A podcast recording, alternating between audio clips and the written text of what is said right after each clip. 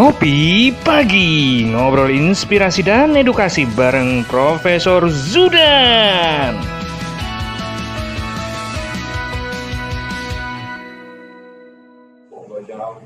Salam bahagia kerabat desa Indonesia. Selamat pagi. Kita berjumpa kembali di Ngopi Pagi bareng Prof. Zudan. Oke, kita akan uh, sambil menunggu Prof. Zudan, kita ingin sampaikan bahwa ada yang luar biasa tanggal 20 Oktober 2020.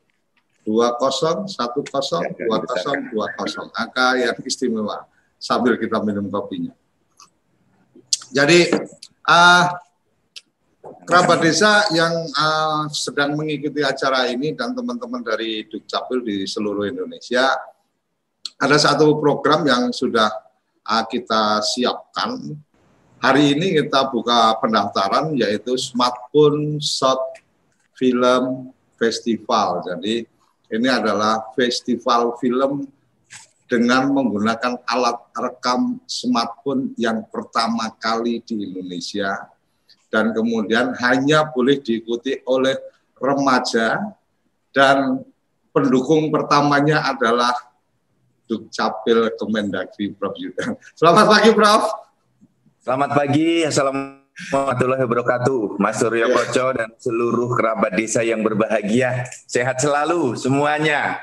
Alhamdulillah. Nah, Prof ini mohon maaf tadi saya numpang promo karena kita ada apa smartphone uh, short film festival yang Prof Judan memberikan dukungan yang nantinya akan ada satu tropi khusus dari Dukcapil dengan tema yang diangkat adalah tentang apa uh, kependudukan. Jadi uh, tanggal ini uh, dibuka pendaftaran dan ditutup pendaftaran tanggal 20 November. Jadi satu bulan ini uh, kita buka pendaftaran. Pagi ini kita nggak ngobrolin apa uh, shot smartphone shot film festival, tetapi pagi ini kita ngobrolin tentang nomor induk kependudukan. Silakan Prof, ini nomor induk kependudukan yeah. ini ada makna apa di dalamnya dan kemudian kait mengkaitnya ke mana dan seterusnya. Silakan Prof.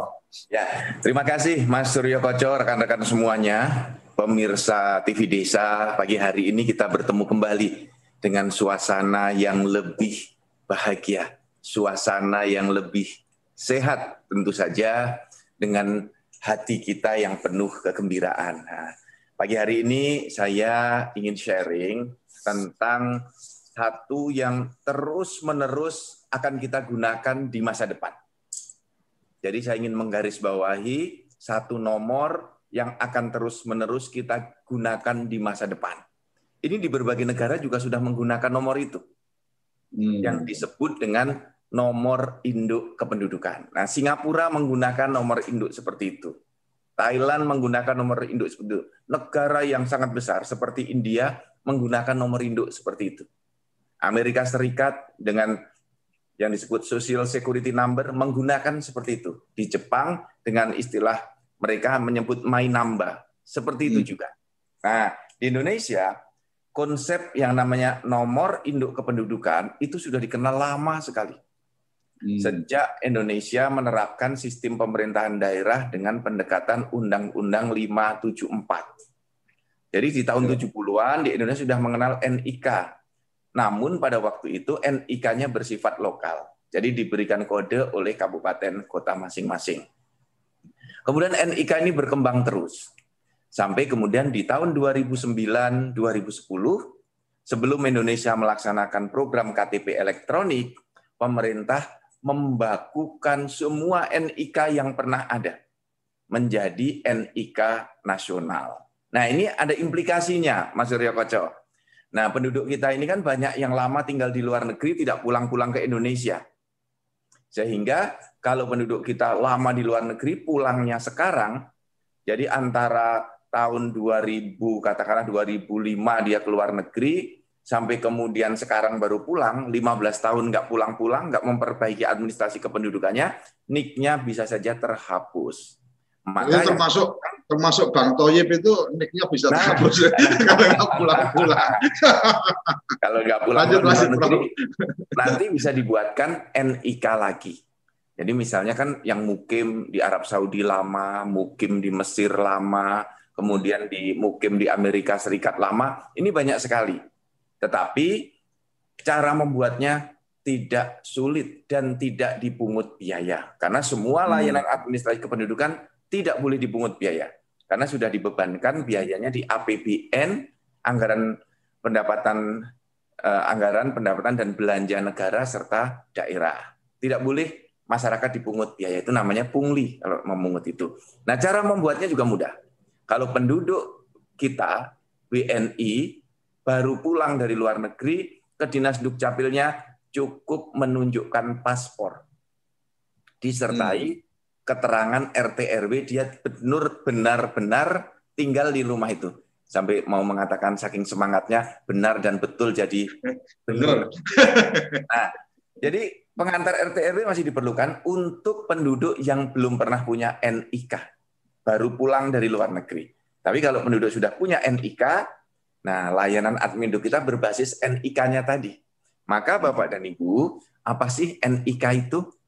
Nah, kita harus tunduk kepada aturan yang berlaku. NIK hanya dibuat oleh Dinas Dukcapil. Tidak ada instansi lain yang diberi kewenangan oleh undang-undang untuk membuat NIK. Jadi di Indonesia lembaga yang berwenang membuat NIK hanya 514 kabupaten kota. Provinsi tidak berwenang. Pemerintah pusat, Dirjen Dukcapil juga tidak berwenang karena ini spesifik dan bersifat khusus serta bersifat close legal policy. Hanya instansi pelaksana. Nah, jadi semua di bawah kendali Kepala Dinas Dukcapil. Nih. Kemudian NIK itu merupakan nomor yang jumlahnya 16 digit. 16 digit. Jadi tidak boleh kurang dari itu, tidak boleh lebih. Dimiliki oleh seseorang. Dari dia lahir sampai meninggal dunia. Bersifat permanen. Tidak boleh berganti-ganti. Pertanyaannya, Pak, ini ada kejadian khusus. NIK saya hilang. Nah, ini kejadian-kejadian khusus. Ya, kenapa hilang? Karena yang bersangkutan dilakukan cleansing NIK pada waktu itu sebenarnya NIK-nya sudah diterbitkan karena dia ada di luar negeri, tidak ada konfirmasi, dianggap orangnya tidak ada. Kita melakukan pembersihan hmm. data di 2009-2010. Nah, ketika orangnya terbukti masih ada, maka dilakukan pendataan ulang sebagai penduduk dengan NIK baru. Mengisi formulir sebagai penduduk untuk dimasukkan ke dalam database dengan NIK baru. Nah, dalam beberapa kasus, karena Indonesia penduduknya sangat besar, kemudian proses cleansing ini dilakukan terus-menerus, Mas Surya Koco, sampai sekarang. Karena banyak penduduk kita yang baru pulang. Kemarin, kami baru mendapatkan laporan penduduk kita 13 tahun tinggal di Amerika. Baru pulang sekarang. Tidak pernah selama ini mengurus administrasi kependudukannya. Kan ada, kita sekarang punya layanan adminduk di luar negeri. Dia bisa mengurus. Tetapi ini layanan baru baru kita mulai di 2017-2018. Nah, pertama layanan kita berbasis NIK. Jadi kalau penduduk datang dari luar negeri, pertama yang harus dibuat adalah NIK. Bayi yang baru lahir yang harus dibuat pertama adalah NIK. 16 digit angka, 6 digit pertama adalah kode wilayah. Kode provinsi, kode kabupaten kota, dan kode kecamatan ini ada Permendagri yang mengatur kode wilayah. Jadi tidak boleh kita suka-suka. Oh, saya mau memberi kode wilayah, misalnya angka 8, nggak boleh. Karena kode wilayah kita di dalam negeri berawal dari kode 11. Nah, kemudian ada kode khusus untuk luar negeri, diawali dengan kode 99. Jadi kalau ada orang atau bayi baru lahir di Jawa, kemudian ada orang ingin memalsukan dokumennya dengan kode 11 misalnya, lahir di Jawa, orang tuanya alamatnya di Jawa, dibuat dengan kode 11, itu pasti pemalsuan NIK. Karena kode 11 itu wilayahnya ada di Sumatera. Jadi secara spesifik seperti itu. Kemudian enam digit berikutnya adalah tanggal kelahiran. Ada tahun lahir, eh, bulan, dan tanggal. Dan empat digit terakhir adalah nomor urut pembuatan NIK. Nomor urut dari 0001. Kemudian 2, 3, dan seterusnya. Jadi nomor urut di wilayah itu. Hmm. Jadi di wilayah perkecamatannya. Nah, karena NIK ini berlaku seumur hidup, seluruh kerabat desa, maka NIK itu tidak berganti ketika penduduknya berpindah wilayah. Berbeda dengan nomor kartu keluarga yang bisa berganti nomor kartu keluarganya karena berganti kepala keluarganya. Kalau NIK tetap seumur hidup. Jadi ada penduduk pindah dari Lok Sumawe, pindah ke Palangkaraya, pindah ke Makassar, pindah ke Papua, balik ke Lampung, dia NIK-nya tetap. Nah ini yang perlu dipahami sekarang Mas Suryo Koco karena konteksnya pilkada. Hmm. Jadi jangan terkejut kalau pilkada di Surabaya yang harusnya kepala kode eh, Provinsi Jawa Timur dengan kepala tiga, calon pemilihnya dengan kepala 12. Nggak ada masalah. Berarti dulu pada waktu pembuatan NIK, itu dibuatnya di wilayah Sumatera. Jadi kode-kode yang ada di NIK, kode wilayah itu adalah kode pada saat pertama kali NIK dibuat. Jadi kode yang ada adalah kode saat NIK dibuat. Karena NIK bersifat enmal, hanya dibuat satu kali. Nah, NIK ini untuk apa? Jadi, dalam Undang-Undang Administrasi Kependudukan itu sudah disebutkan NIK digunakan sebagai dasar untuk penerbitan dokumen-dokumen yang lain seperti SIM, paspor, polis asuransi, rekening bank, ya. Kalau nanti Bapak dan Ibu rekan-rekan semua para kerabat desa ke depan sekolah ijazah akan ada NIK-nya. Sehingga kita bisa melakukan pencegahan agar tidak ada penyalahgunaan, pemalsuan, dan hal-hal yang terkait dengan kejahatan yang berbasiskan ijazah, SIM, paspor, ya, polis asuransi, sertifikat tanah, dan seterusnya. Nah, Bapak dan Ibu semuanya, kalau kita lihat berbagai peraturan itu sudah melandasi bagaimana NIK itu harus dibuat. Siapa yang harus memiliki NIK? Pertama, setiap penduduk. Jadi penduduk itu adalah WNI dan WNA. WNA yang akan menetap di Indonesia dengan kartu izin tinggal sementara KITAS ataupun dengan kartu izin tinggal tetap, dia harus memiliki NIK. Kemudian semua WNI yang ada di tanah air dia wajib memiliki NIK. Nah, siapa yang harus memberikan? Tadi pemerintah. Pemerintah CQ atau diberikan oleh Kepala Dinas Dukcapil. Nah, ini Mas Suryo Koco, pengantar awal saya tentang NIK. Oke, makasih Prof. Yang yang menarik tadi adalah layanan kependudukan itu gratis. Jadi kalau ada ya. biaya berarti itu pungli kan. Itu layanan kependudukan apa aja nih, Bro? Supaya kerabat ya. desa juga tahu nih, oh layanan kependudukan yang disampaikan Prof. Yudan itu sebagai layanan gratis itu adalah layanan yang ini ini ini sehingga ketika kemudian apa dikutip dan seterusnya kan perlu ada kejelasan nih apakah bagian dari pungli atau mungkin apa uang jasa atau memang aturannya pun nggak boleh ada orang yang kemudian menjual jasa untuk membantu pengurusan dan seterusnya. Silakan, Bro. Ya, terima kasih Mas Suryo Kaco, seluruh kerabat desa dan pemirsa TV Desa. Kalau kita melihat layanan administrasi kependudukan, saat ini ada 24 dokumen. Hmm. Ya, dokumen yang paling banyak diminta oleh masyarakat itu adalah kartu keluarga. Setelah okay. itu KTP elektronik, setelah itu eh, akte kelahiran, kartu identitas anak, akte perkawinan, akte perceraian, akte kematian. Oh ya, ada satu lagi yang banyak diminta, surat pindah penduduk. surat hmm. keterangan untuk pindah SKPW NI atau kita menyebut surat keterangan pindah. Yang lain-lain ada akte pengakuan anak, pengesahan anak, akte adopsi, surat keterangan tempat tinggal dan seterusnya. Jadi ada 24 dokumen. Nah, 24 dokumen itu semuanya tidak dipungut biaya. Ini Mas. Jadi ketika dari Dukcapil menyerahkan Ibu, ini akte kelahiran Ibu, ini gratis. Diserahkan Ibu, ini kartu keluarga Anda, itu gratis. Nah, masyarakat juga tidak perlu memberi tips, tidak perlu. Karena di Indonesia dikenal yang namanya gratifikasi. Nanti terkena dia dianggap menerima pungutan liar. Padahal si masyarakat ikhlas-ikhlas saja. Jadi nah, berarti jangan jangan khawatir kalau tidak memberi tip itu nanti dianggap pelit gitu ya Prof. Ya? Iya.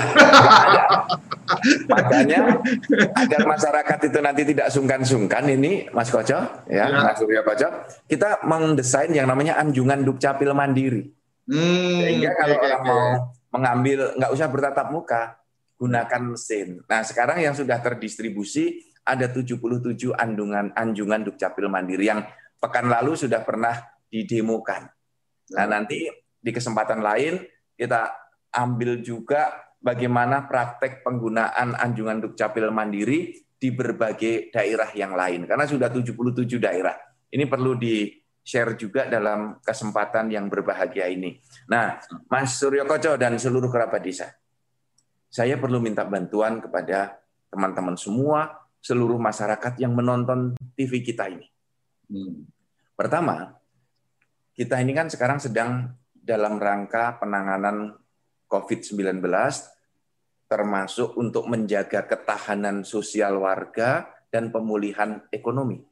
Ya. Nah, pemerintah memiliki banyak sekali program-program dalam rangka penanganan COVID-19 ini. Dan semuanya berbasis NIK.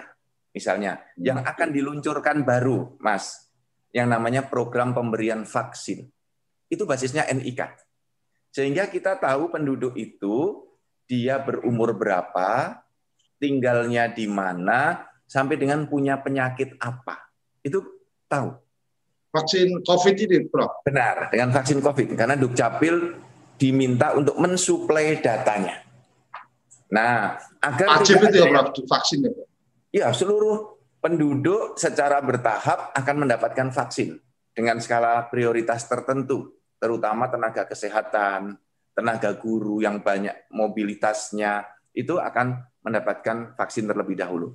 Selain vaksin, pemerintah juga mendorong yang namanya sistem jaminan sosial nasional dalam bentuk berbagai bantuan. Misalnya program bantuan eh, kartu prakerja. Basisnya juga NIK, Mas.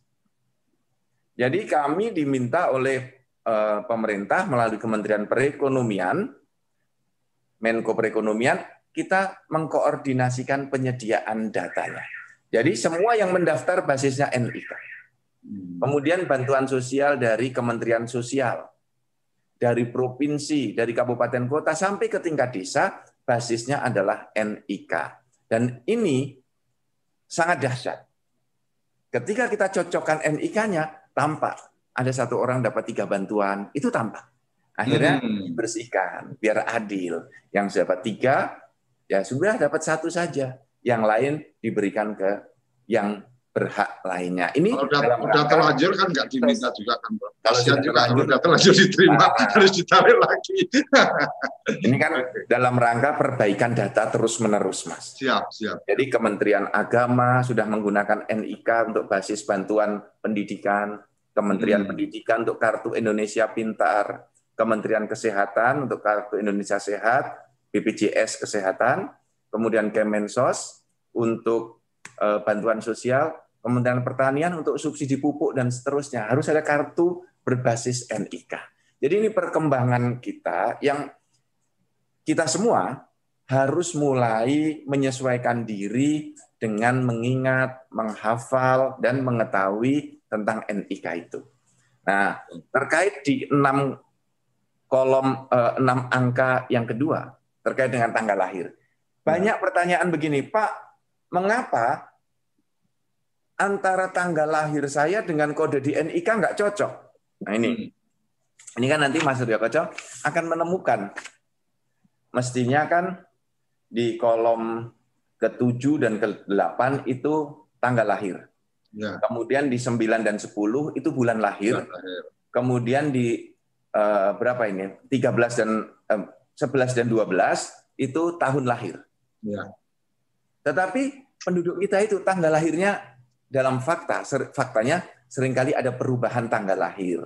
Hmm. Nah, maka penduduknya merubah tanggal lahir, NIK-nya nggak bisa berubah. Sebab oh. kalau NIK-nya berubah, nanti akan lahir penduduk baru. Karena di Indonesia itu, penduduk kita kan sekarang 268 juta. Itu dihitung karena NIK, jumlah NIK-nya. Jadi kalau saya misalnya merubah tanggal lahir saya, kemudian membuat NIK baru, maka Zudan Arif Fakrullah ini akan muncul dengan dua NIK. Ini disebut penduduk berdata ganda. Ini harus dibuang salah satunya. Dan itu nah, artinya green Prof. Ketika kemudian pada saat apa pendataan ternyata ada kesalahan dalam uh, karena ini apa sama uh, seperti yang disampaikan oleh uh, teman kita dari uh, Dukcapil Madiun, ada perubahan tanggal bulan tahun di elemen data kependudukan bagaimana implement apa implementasinya dengan NIK. Mungkin yeah. tanggal bulan tahun tidak sama dengan NIK. Artinya yang disampaikan Prof tadi ketika sudah ada NIK-nya uh, taruh kata ini nama Suryo Kojo NIK-nya sudah apa uh, sudah ada dengan data yang waktu itu sudah dimasukkan. Ternyata salah nih tanggalnya dari tanggal 6 uh, eh, sebenarnya nah, tanggal 16 umpamanya seperti itu. Artinya uh, dalam uh, data ada kemungkinan dirubah hanya informasi tanggal lahir tapi uh, di NIK-nya tidak ada perubahan atau bagaimana Pak? Ya, benar. Ini Mas Suryo Koco. Ya. Kita melihat pada karakteristik NIK. Oke. Nah, ini karakteristik NIK salah satunya adalah berlaku seumur hidup. Oke. Nah, dengan karakter itu, maka kalau ada perubahan tanggal lahir, monggo. Nanti dokumen kependudukan disesuaikan tanggal lahirnya saja. Ah. Tapi NIK-nya tetap. Nah, ini yang perlu saya sampaikan kepada lembaga perbankan, lembaga TNI, Polri, kampus-kampus, saat penerimaan, misalnya bank saat e, menerima nasabah. Dari bank tidak perlu memverifikasi antara tanggal lahir dengan NIK ini kan oh. banyak orang yang kemudian sok tahu gitu, Mas. Iya. Dia lihat NIK-nya, lihat tanggal lahirnya. Dicocokkan, oh Anda NIK-nya salah karena tidak cocok dengan tanggal lahir. Nah ini kan aneh. Hmm. Nggak bertanya, kemudian nggak bertanya ke Dukcapil, nggak bertanya ke penduduknya, tiba-tiba dia menilai nik Anda salah karena tidak sesuai dengan tanggal lahir. Tidak pernah bertanya, Pak, Bu, kenapa NIK Anda dengan tanggal lahir Anda berbeda? Nah, si Bapak Ibu ini kan bisa menjelaskan, oh dulu anak saya tanggal kelahirannya salah, sekarang dibetulkan. Kalau Anda nggak hmm. percaya, cocokkan di Dinas Dukcapil. Jadi, kalau ada lembaga-lembaga ragu dengan NIK penduduk, jangan cepat menilai NIK itu salah. Hmm. Tetapi bertanyalah kepada yang tahu. Siapa yang tahu? Yaitu Dinas Duk Dukcapil. Atau yang tahu adalah database. Bekerja sama dengan Dukcapil Pusat atau Dukcapil Kabupaten Kota untuk akses verifikasi data. Nah, Mas Suryo Koco dan seluruh kerabat desa sekarang sudah ada 2.800-an lembaga yang sudah bekerja sama dengan Dukcapil untuk akses verifikasi data itu. Untuk melihat niknya benar atau tidak. Berbagai lembaga sudah menggunakan itu. Nah, jadi kalau ada warga masyarakat mengganti tanggal lahirnya, kemudian ingin juga mengganti NIK-nya, tolong Dinas Dukcapil tidak mengabulkan itu. Hmm. Karena akan berimplikasi banyak hal. Terutama melahirkan data ganda. Tuh, Mas. Okay. Kemudian yang yang berikutnya yang perlu juga saya sampaikan ketika terjadi kasus-kasus. Hmm. Namanya pelayanan administrasi kependudukan saya harus menyampaikan kepada seluruh masyarakat, kadang-kadang petugas itu salah entry. Okay. Jadi ada kekeliruan, ini fakta yang harus saya sampaikan yang memang terjadi. Di dalam catatan saya, saya buatkan. Jadi Mas Suryo Koco, saya setiap malam di dengan tim media itu menyiapkan bahan untuk bisa diskusi dengan Mas Suryo Koco ini dengan hmm. teman-teman kerabat desa. Kita siapkan bahan, tim ini bekerja. Nah, termasuk mengidentifikasi masalah-masalah yang muncul di lapangan sehingga kami bisa menyampaikan seperti ini loh aturannya. Nah, kalau ada kesalahan dari staf-staf di Dukcapil Kabupaten Kota salah entry. Hmm. Sehingga menimbulkan perbedaan di dalam kartu keluarga atau di dalam eh, apa namanya yang beragama non muslim itu di dalam buku akte perka, maaf di dalam akte perkawinan beda nik antara di KTP dengan di kartu keluarga. Maka ya. yang digunakan adalah nik yang tercantum dalam KTP elektronik. Karena di dalam elektronik itu sudah disatukan NIK itu dengan sidik jari, dengan iris mata, ya, Kemudian di dalamnya juga ada foto wajah.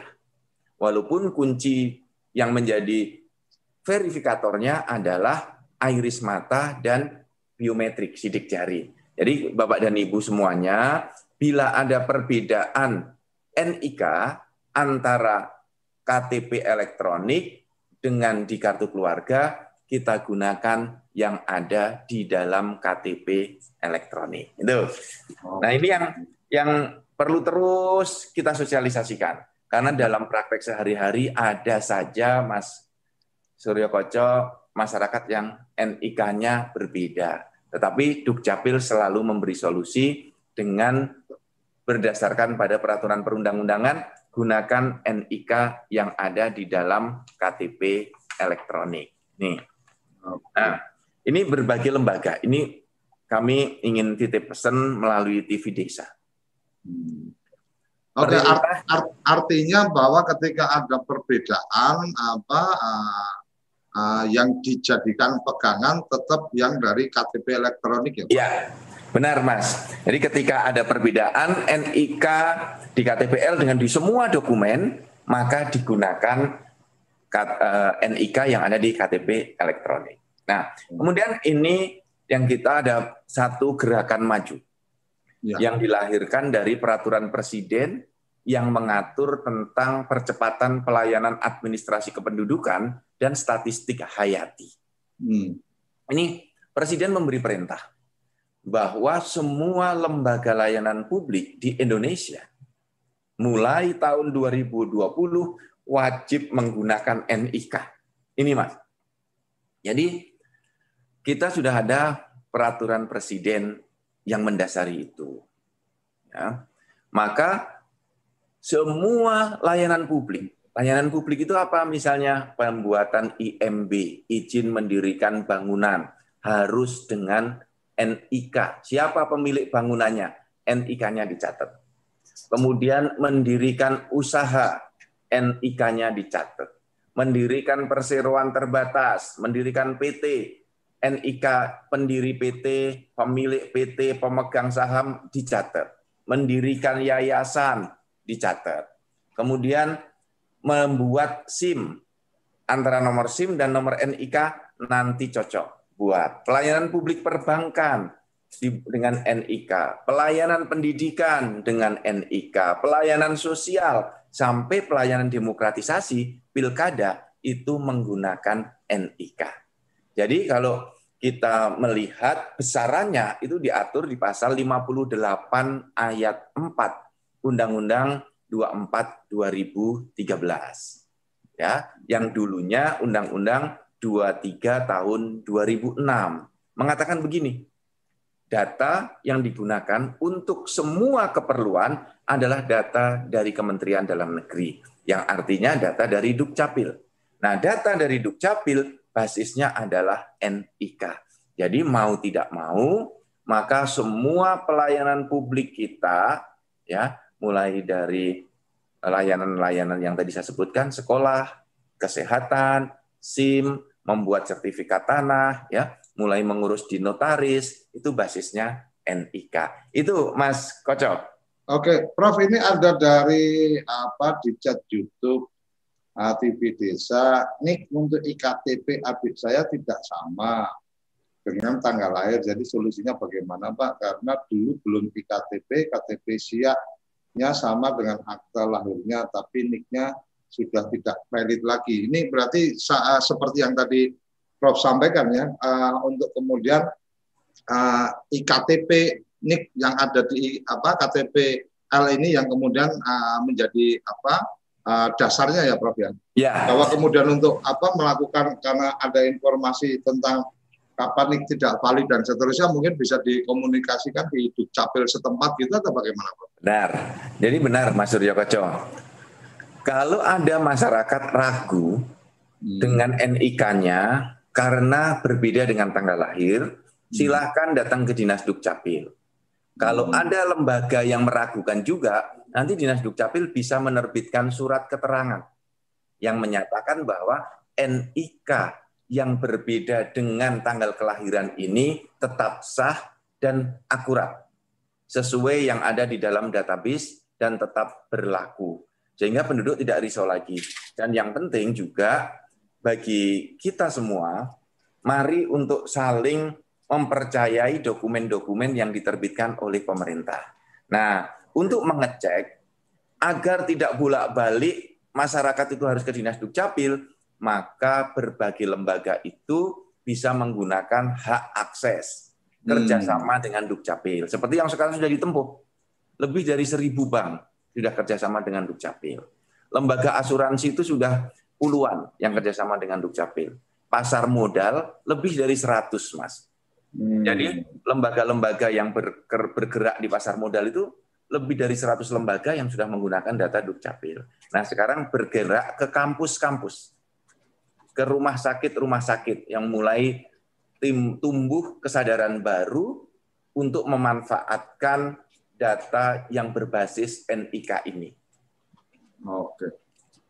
Prof, ada lagi nih, saya nggak, saya cuma bacakan aja karena nggak terlalu paham nih maksud pertanyaannya. Dari Bram Handoyo, mohon izin bertanya, ini dari channel YouTube di TV Desa, ah, mohon izin bertanya, bila ada pelayanan publik dalam dokumennya tidak mencantumkan NIK, apakah ada sanksinya?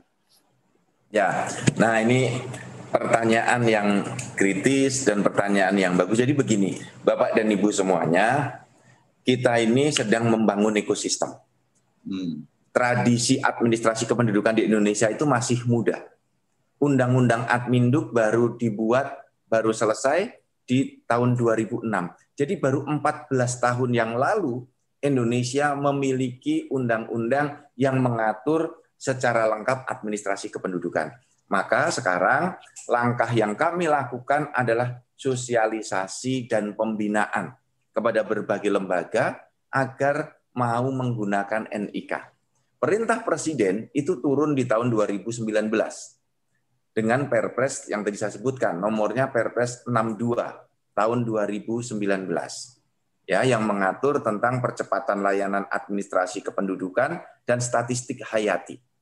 Nah, hmm. dengan peraturan presiden nomor 62 tahun 2019 ini, maka semua lembaga wajib menggunakan NIK ya dalam layanan publik dan semua dokumennya harus mencantumkan NIK. Nah, ini kita hmm. dorong terus-menerus. Nanti kalau lembaga itu tidak mau mencantumkan NIK-nya, pemerintah akan menjatuhkan sanksi administratif setelah pembinaannya dilakukan. Okay. Apa bentuk pembinaan yang dilakukan? Dari Kementerian Dalam Negeri memberi hak akses. Hmm. Jadi misalnya kampus Universitas 11 Maret, Universitas Diponegoro, Universitas Terbuka, ITS, Universitas Gajah Mada, itu mengakses data Dukcapil. Nanti di ijazah-ijazahnya diberi NIK. Nah, sehingga suatu ketika nanti anak-anak kita atau cucu-cucu kita akan melamar pekerjaan, tidak perlu melampirkan lagi ijazahnya. Hmm. Cukup ketik NIK-nya, sudah keluar sendiri. Ijazah ya. S1-nya dari mana, S2-nya dari mana, ijazah SMA-nya, ijazah SMP-nya, sehingga di tracking profil penduduk itu lebih mudah. Sehingga tidak ada lagi yang namanya ijazah palsu karena bisa dicek NIK-nya, nanti ngeling dengan database di sekolahan itu. Nah, inilah yang namanya program nasional yang bersifat masif harus didukung semua oleh seluruh pemangku kepentingan. Inilah semangat kita membangun ekosistem itu, Mas Suryo Koco. Jadi, administrasi kependudukan itu sebagai basis di dalam seluruh tata kelola bernegara. Okay. Kalau adminduknya bagus, peradaban negara kita, saya yakini akan cepat menjadi bagus. Karena semuanya sudah terdata dengan baik. Jadi kalau kita melihat berbagai negara maju, administrasi kependudukannya pasti sangat maju, sangat advance, Oke, oke, uh, kerabat desa, kita akan rehat dulu, kita aduk dulu kopi kita karena ini ngopi pagi. Jadi kalau kalau ngopi pagi nggak ngaduk kopi berarti ada sesuatu yang ada sesuatu yang bermasalah. Dengan NIK maka kemudian kita nggak akan lagi uh, ketemu seperti Ayu Ting Ting yang dapat alamat palsu, nggak akan lagi ketemu dengan teman-teman apa uh, calon-calon uh, pemimpin daerah yang ternyata ijazahnya palsu dan seterusnya karena di NIK nanti akan terdokumentasi banyak hal. Ke, jangan ke mana-mana kita akan berlanjut setelah jeda yang satu ini tetap di Ngopi Pagi bersama Prof. Zudan. Kamu tinggal di pulau terpencil, pegunungan pinggiran kota, atau daerah di Indonesia yang tidak terjangkau jaringan fiber, ADSL, dan juga 3G. Internetan dengan cepat pasti cuma akan menjadi mimpi. Mau pakai tol langit, pakai desa wifi, kunjungi www.desawifi.id.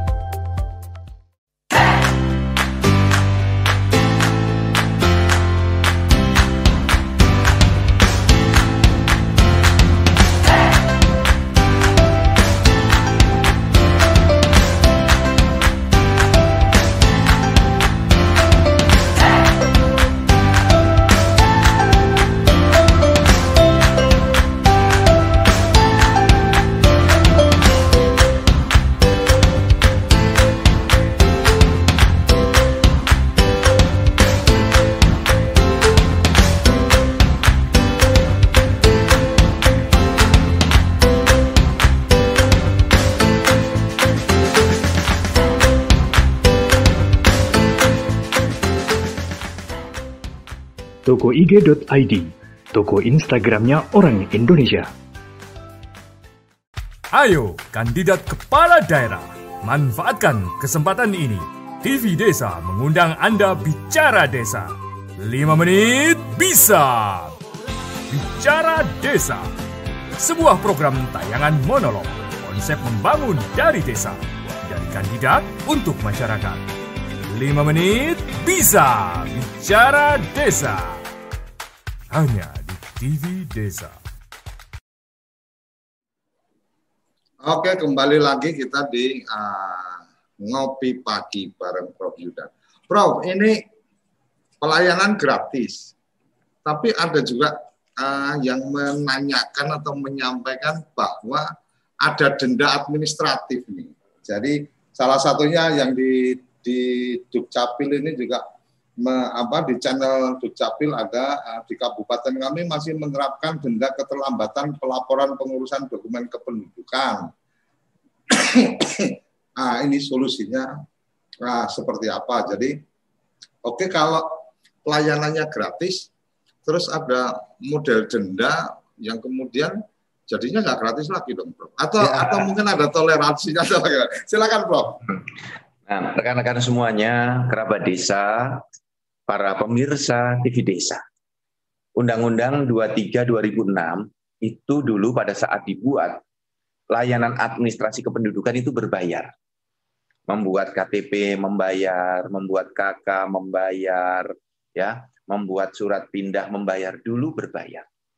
Kemudian dengan undang-undang nomor 24 tahun 2013 semuanya digratiskan. Nih.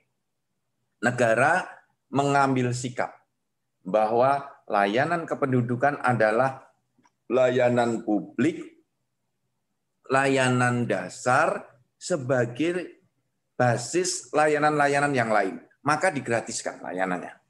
Dan layanan adminduk ini tidak boleh dibebani persyaratan dari pelayanan yang lain. Misalnya, untuk membuat KTP harus melampirkan lunas pembayaran pajak bumi dan bangunan. Itu tidak boleh. Kemudian untuk mengurus KTP harus ada surat keterangan bebas narkoba. Itu tidak boleh. Untuk membuat kartu keluarga atau membuat surat pindah harus ada SKCK dari Polsek. Itu tidak boleh. Maka layanan administrasi kependudukan kita buat semudah mungkin persyaratannya, seringan mungkin tata caranya. Artinya nah, artinya dalam proses apa eh, melakukan apa dalam proses layanan itu tidak boleh kemudian itu menyulitkan dari uh, apa masyarakat gitu Pak. Benar. Karena ini filosofinya adalah layanan yang paling awal yang harus didapatkan oleh penduduk, Mas. Jadi kalau sudah banyak persyaratan, masyarakat yang akan bisa mendapatkan hak-hak di bidang uh, hak sipil ini. Nah, maka dan, dan kayaknya agenda, agenda dari Dukcapil juga supaya uh, validasi datanya bisa lebih cepat karena syarat-syaratnya gampang otomatis orang uh, ya. jadi tidak malas untuk memberikan informasi. Betul. itu, benar sekali Mas Suryo. Dulu pada waktu awal-awal saya menjadi dirjen, kami melakukan kajian. Hmm. Pertanyaan pertama, kami kalau setiap kali datang ke Dinas Dukcapil bertemu orang-orang yang mengurus surat pindah. Hmm. Pasti jawabannya Pak rumit sekali ngurus pindah itu. Hmm. Ribet panjang dari RT, RW, kelurahan atau desa ke kecamatan. Padahal Dukcapil butuh data mereka. Ya, padahal kita ingin mengupdate data penduduk ya, juga. Betul, betul, ya, ya. Nah, maka kami bertanya terus gimana tolong prosedurnya dibuat lebih ringkas. Persyaratannya tolong diringankan. Pada waktu saya awal-awal jadi dirjen, banyak daerah yang masih mensyaratkan pajak bumi dan bangunan. Hmm. Nah, orang nggak mengurus KTP karena PBB-nya belum lunas. Dia hmm. bukan tidak mau membayar, tetapi memang tidak punya uang. Ya. Dia tidak mau ngurus surat pindah karena belum punya uang membayar pajak bumi dan bangunan. Nah, hmm. akhirnya dihapuskan semua persyaratan-persyaratan yang memberatkan tadi. Termasuk denda keterlambatan. Denda keterlambatan itu sebenarnya bagian dari satu paket ketika dulu layanannya berbayar. Artinya sekarang harusnya sudah nggak ada itu, Pak mestinya dalam undang-undang itu ikut dihapus. Kan kita hmm. menghapus banyak hal yang tidak sesuai dengan perkembangan dan arah politik hukum negara. Politik hukum hmm. itu adalah apa yang hendak dituju oleh negara. Apa maunya negara. Negara inginnya memberikan layanan yang lebih mudah, maka persyaratannya dipotong. Artinya teman-teman Dukcapil di daerah mestinya uh, melihat uh, hal yang sama dengan apa yang uh, sedang diagendakan oleh negara gitu ya. Betul. Nah, bagaimana strateginya untuk menerapkan denda agar tidak mem, tidak melanggar undang-undangnya? Hmm. Di undang-undang itu tidak bu, ada tidak ada bunyi berapa tarif dendanya nggak ada. Hmm. Maka kepada teman-teman kalau dipaksa oleh DPRD untuk membuat denda, buatlah tarifnya nol. Oh, tetap Jadi ada denda tapi nol rupiah. Nol rupiah itu. Jadi artinya Tapi kalau DPRD-nya mengagendakan denda itu sebagai sumber pendapatan masalah juga. Inilah yang kemudian kita harus membangun satu frekuensi. Betul, Seluruh betul. penyelenggara pemerintahan harus memiliki frekuensi yang sama. Ya. Karena semangatnya adalah memberikan kemudahan. Maka lika-liku yang menyulitkan harus dibabat semua. Karena kan gini Prof, salah satu yang uh, dulu sempat kita cermati itu adalah ketika denda uh, kelebihan muatan untuk kendaraan apa angkutan gitu kan. Iya. Itu ketika kemudian dalam satu apa uh, musyawarah daerah waktu itu kebetulan Musrenbang kita terlibat di sana, salah satunya ternyata denda untuk kelebihan muatan yang melintas itu uh, jadi target gitu loh. Loh ini yeah. kalau dendanya jadi target berarti ini denda itu bukan satu alat untuk kemudian mengendalikan kan gitu. Oke, okay, Prof. Kan ini, ini menarik, Mas Surya ya, Ya, ya, Kalau denda itu nanti menjadi sumber pendapatan, ini agak berbahaya. Nanti negara atau pemerintah daerah mencari-cari kesalahan warga, bisa menjatuhkan itu, denda. Itu, itu yang itu yang menjadi menarik. Oke. Okay, ini kan Prof. brandingnya tidak positif karena dendanya Siap. itu kecil dan jumlahnya sedikit. Tidak Ya. signifikan untuk mendongkrak pendapatan daerah atau pendapatan daerah. Tidak signifikan. Prof ini ada yang menarik ini Prof dari eh, di, eh, kasih pemerintahan desa. Uh, ini keren juga ini. Jadi disampaikan bisakah anjungan cabe apa dukcapil itu ditaruh di kantor desa. Ini kayaknya kemarin sempat kita ini juga. Jadi silakan Prof ini kayaknya teman-teman di tingkat desa kalau sudah mulai ada kesadaran untuk kemudian menyiapkan apa eh, anjungan dukcapil mandiri ini oke juga ini bro. Ya, saya menjadi berbesar hati ketika ada satu pertanyaan ini. Ditanya ini saja, kita sudah berbesar hati. Artinya ada intention, ada perhatian bahwa mulai terfikir untuk memberikan pelayanan sampai ke tingkat desa. Ya. Nah, pemerintah memberikan ruang seluas-luasnya bagi keikutsertaan dan partisipasi masyarakat dalam layanan administrasi kependudukan. Misalnya yang Hmm. mudah menjadi petugas registrasi desa. Hmm, Kalau di Aceh menjadi namanya petugas registrasi kampung.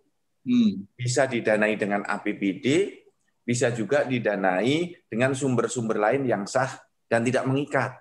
Misalnya dari bantuan pihak ketiga melalui eh, apa namanya CSR.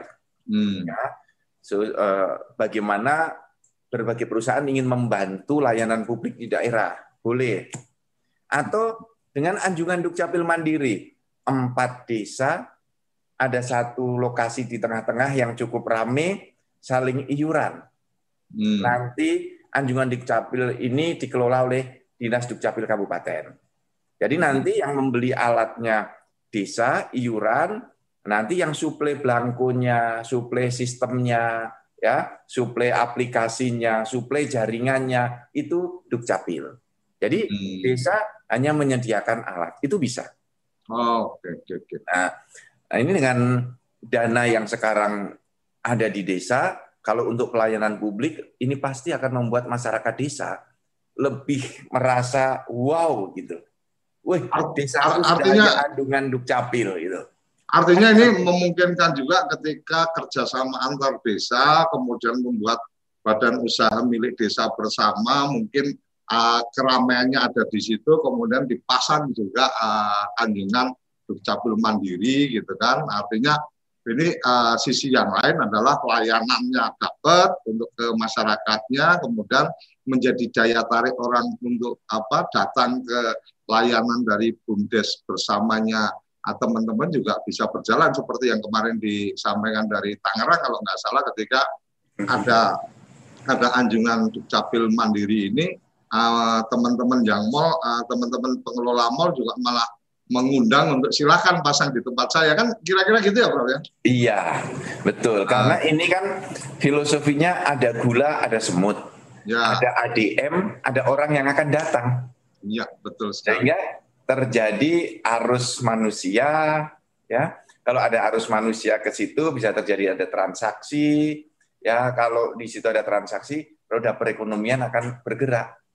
Nah ini banyak sekarang lembaga-lembaga yang minta pada kami untuk disiapkan anjungan dukcapil untuk ditaruh Pak taruh di tempat kami Pak. Hmm. ada sebuah bank di salah satu provinsi minta boleh nggak Pak anjungan Dukcapil Mandiri diletakkan di kantor-kantor bank saya? Saya menyampaikan boleh, tapi Anda yang mendanai ya, silahkan taruh di kantor Anda.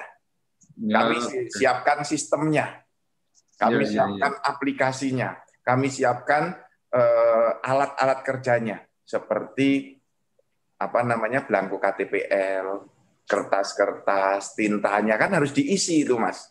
Hmm. Orang bank nggak akan ngerti itu teman-teman dukcapil daerah yang paham betul tentang hal itu. Inilah yang namanya sinergi dan kolaborasi.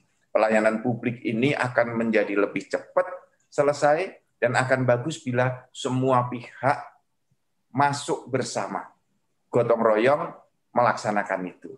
Bukan satu-satunya dimonopoli oleh pemerintah saja. Siapa pun boleh Oh. menjadi peserta aktif di dalam pelayanan publik. Oke, Prof, ini dari Dukcapil Kota Denpasar, izin Pak Dirjen, terkait perubahan data tanpa penetapan pengadilan. Apakah dalam pembuatan catatan pinggir pada sistem SIAK nomor dan tanggal pengadilan diganti dengan nomor dan tanggal dokumen pendukung yang dibawa masyarakat seperti ijazah, paspor dan lain-lain. Mohon arahan. Ya.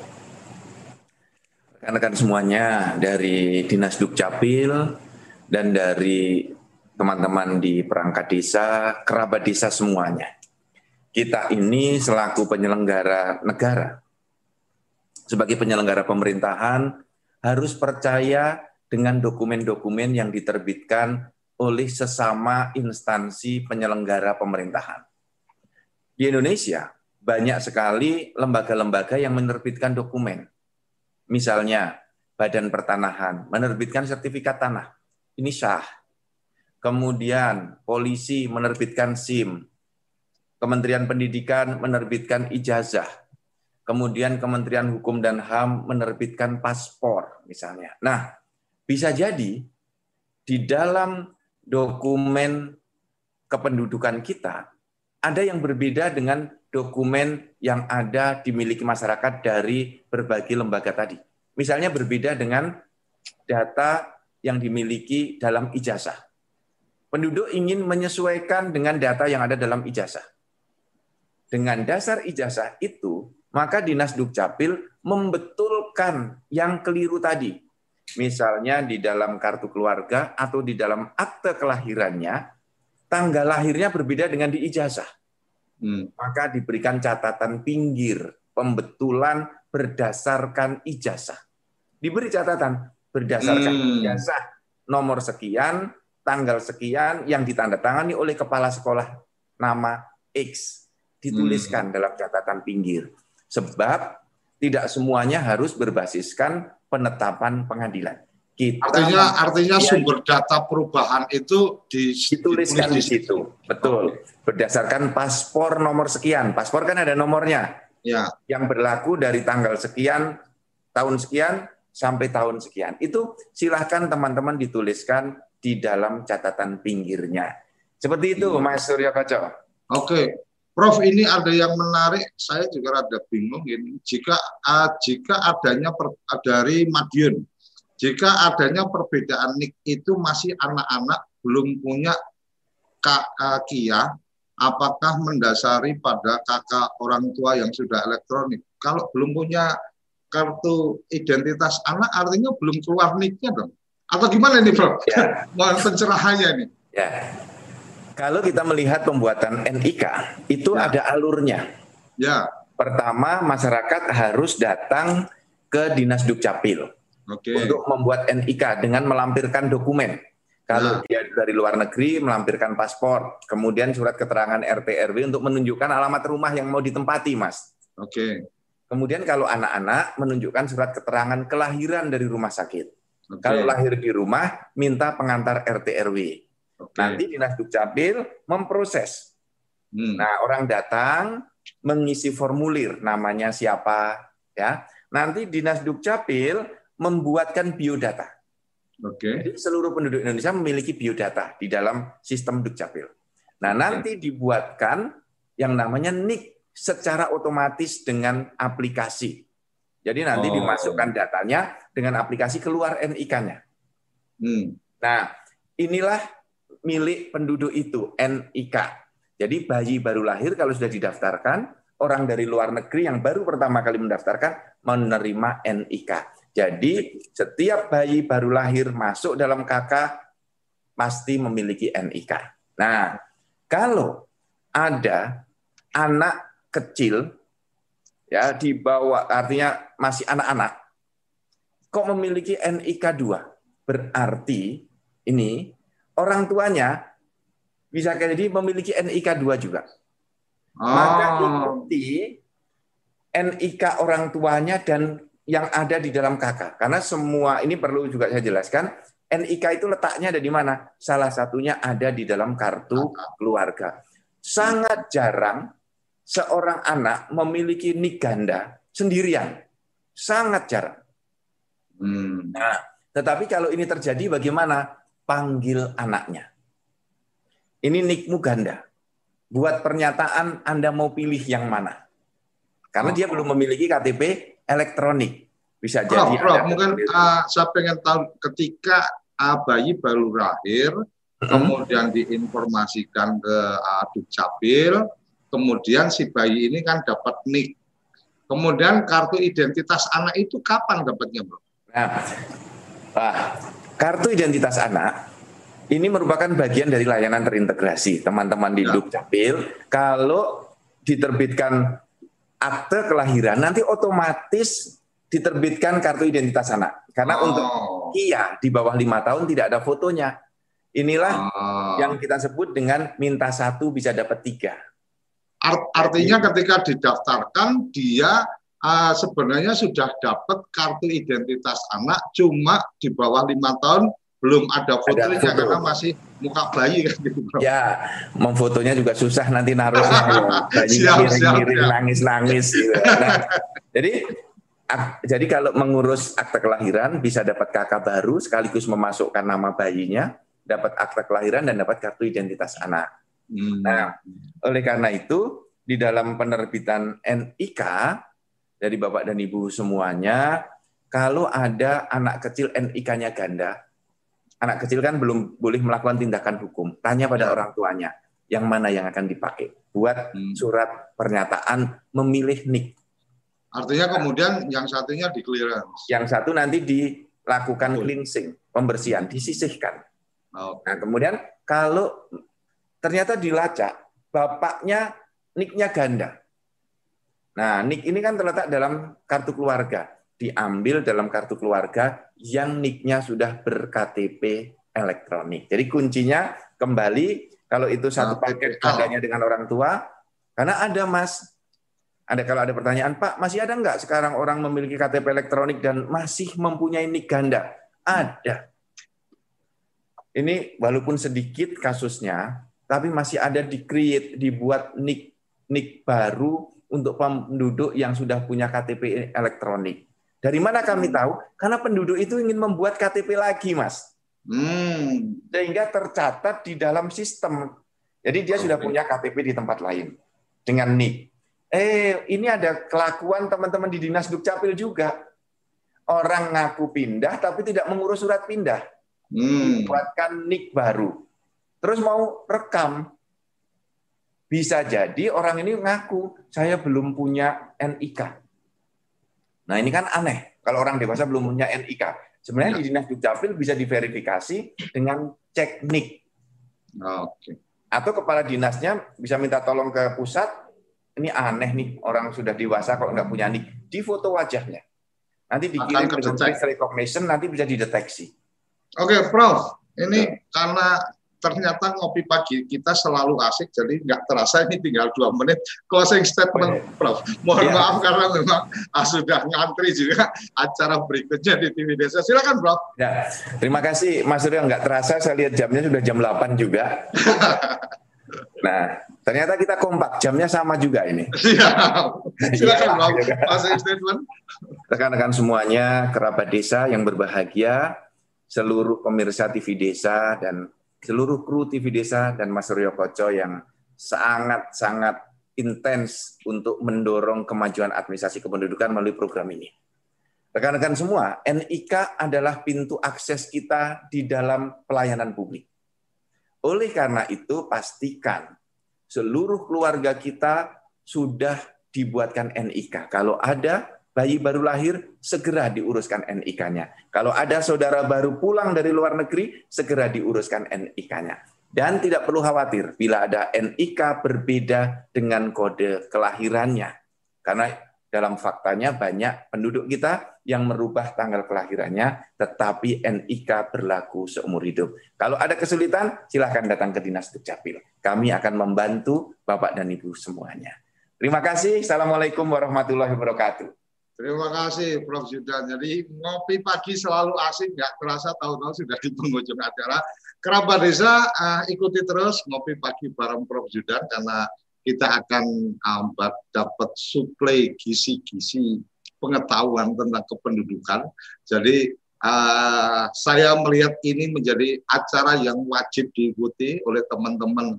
Kalau di dinas dukcapil udah pasti, tapi kalau untuk teman-teman di desa setidaknya kasih pemnya itu apa uh, mengikuti semua tayangan-tayangan kita supaya jadi uh, mendapatkan pencerahan betul tentang bagaimana update administrasi kependudukan.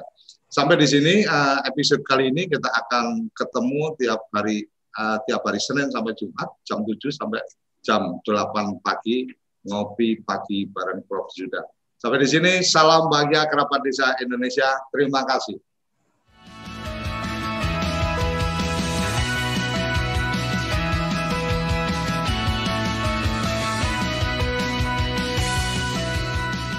Ngopi Pagi, ngobrol inspirasi dan edukasi bareng Profesor Zudan.